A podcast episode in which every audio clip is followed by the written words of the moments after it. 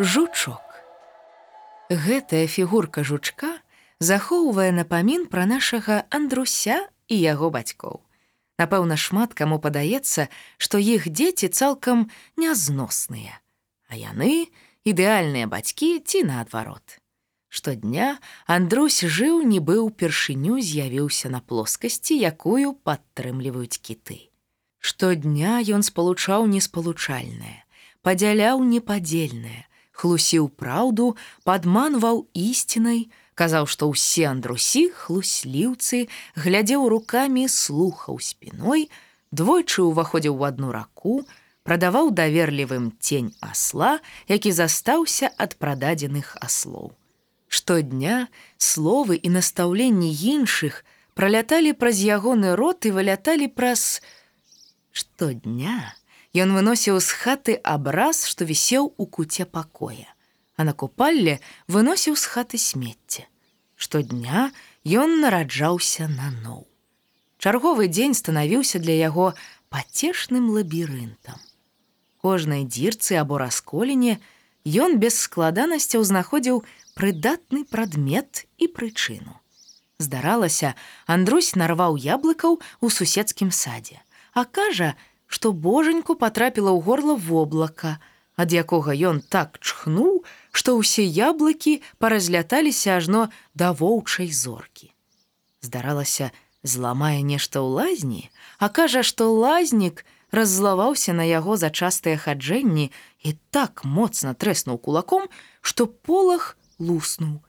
Здаралася запэцкаецца ад левага пальца на назе да правага на руцэ, а кажа, што лознікі ў лазу загналі.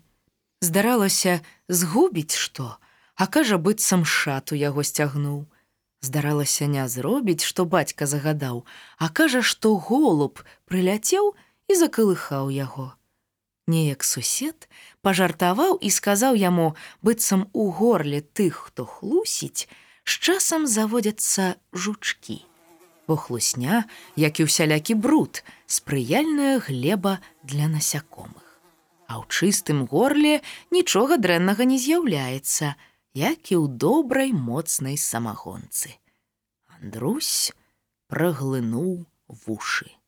Сонца арала неба, ноч душыла дзень, а ягоныя вушы, што праглынуў, усё выразней удараліся аб нейкія гукі спачатку ледзь чутныя і эпізадычныя, пазней гучнейшыя і шапаткія, а затым пастаянны скрыгат. Над плячыма станавілася цяжэй. Цяпер шыя насіла не толькі падмурак твару, але і яшчэ нешта. Слабыя дотыкі казыталі ягоную сліну, што падала ў горла. Некалі маленькі, самотны, вёрткі жучок, пладзіўся і грубеў. Са сваім спараджэннем ён круціўся і бегаў унутры, аглядаючы ўжо ўласныя ўладанні. Жучок не пускаў праз зубы паветра і ежу, а вонкі не выпускаў не толькі хлусню, але і праўду.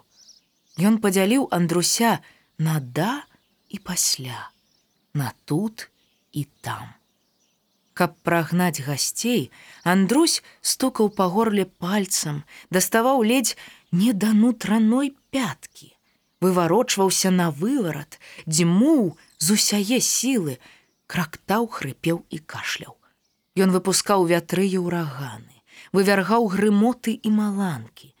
Ягоны кашаль разліваўся да суседніх вёсак і палохаў худобу, аглушаў нават глухіх ягоны жывот стукаў гучней за любы барабан.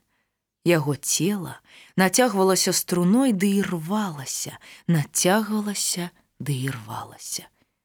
Так доўжылася, пакуль у яго не луснуў жывот. Мастацкі падкаст па кнізе кірыла стаселькі пімкі агучвала Крысціна дробыш.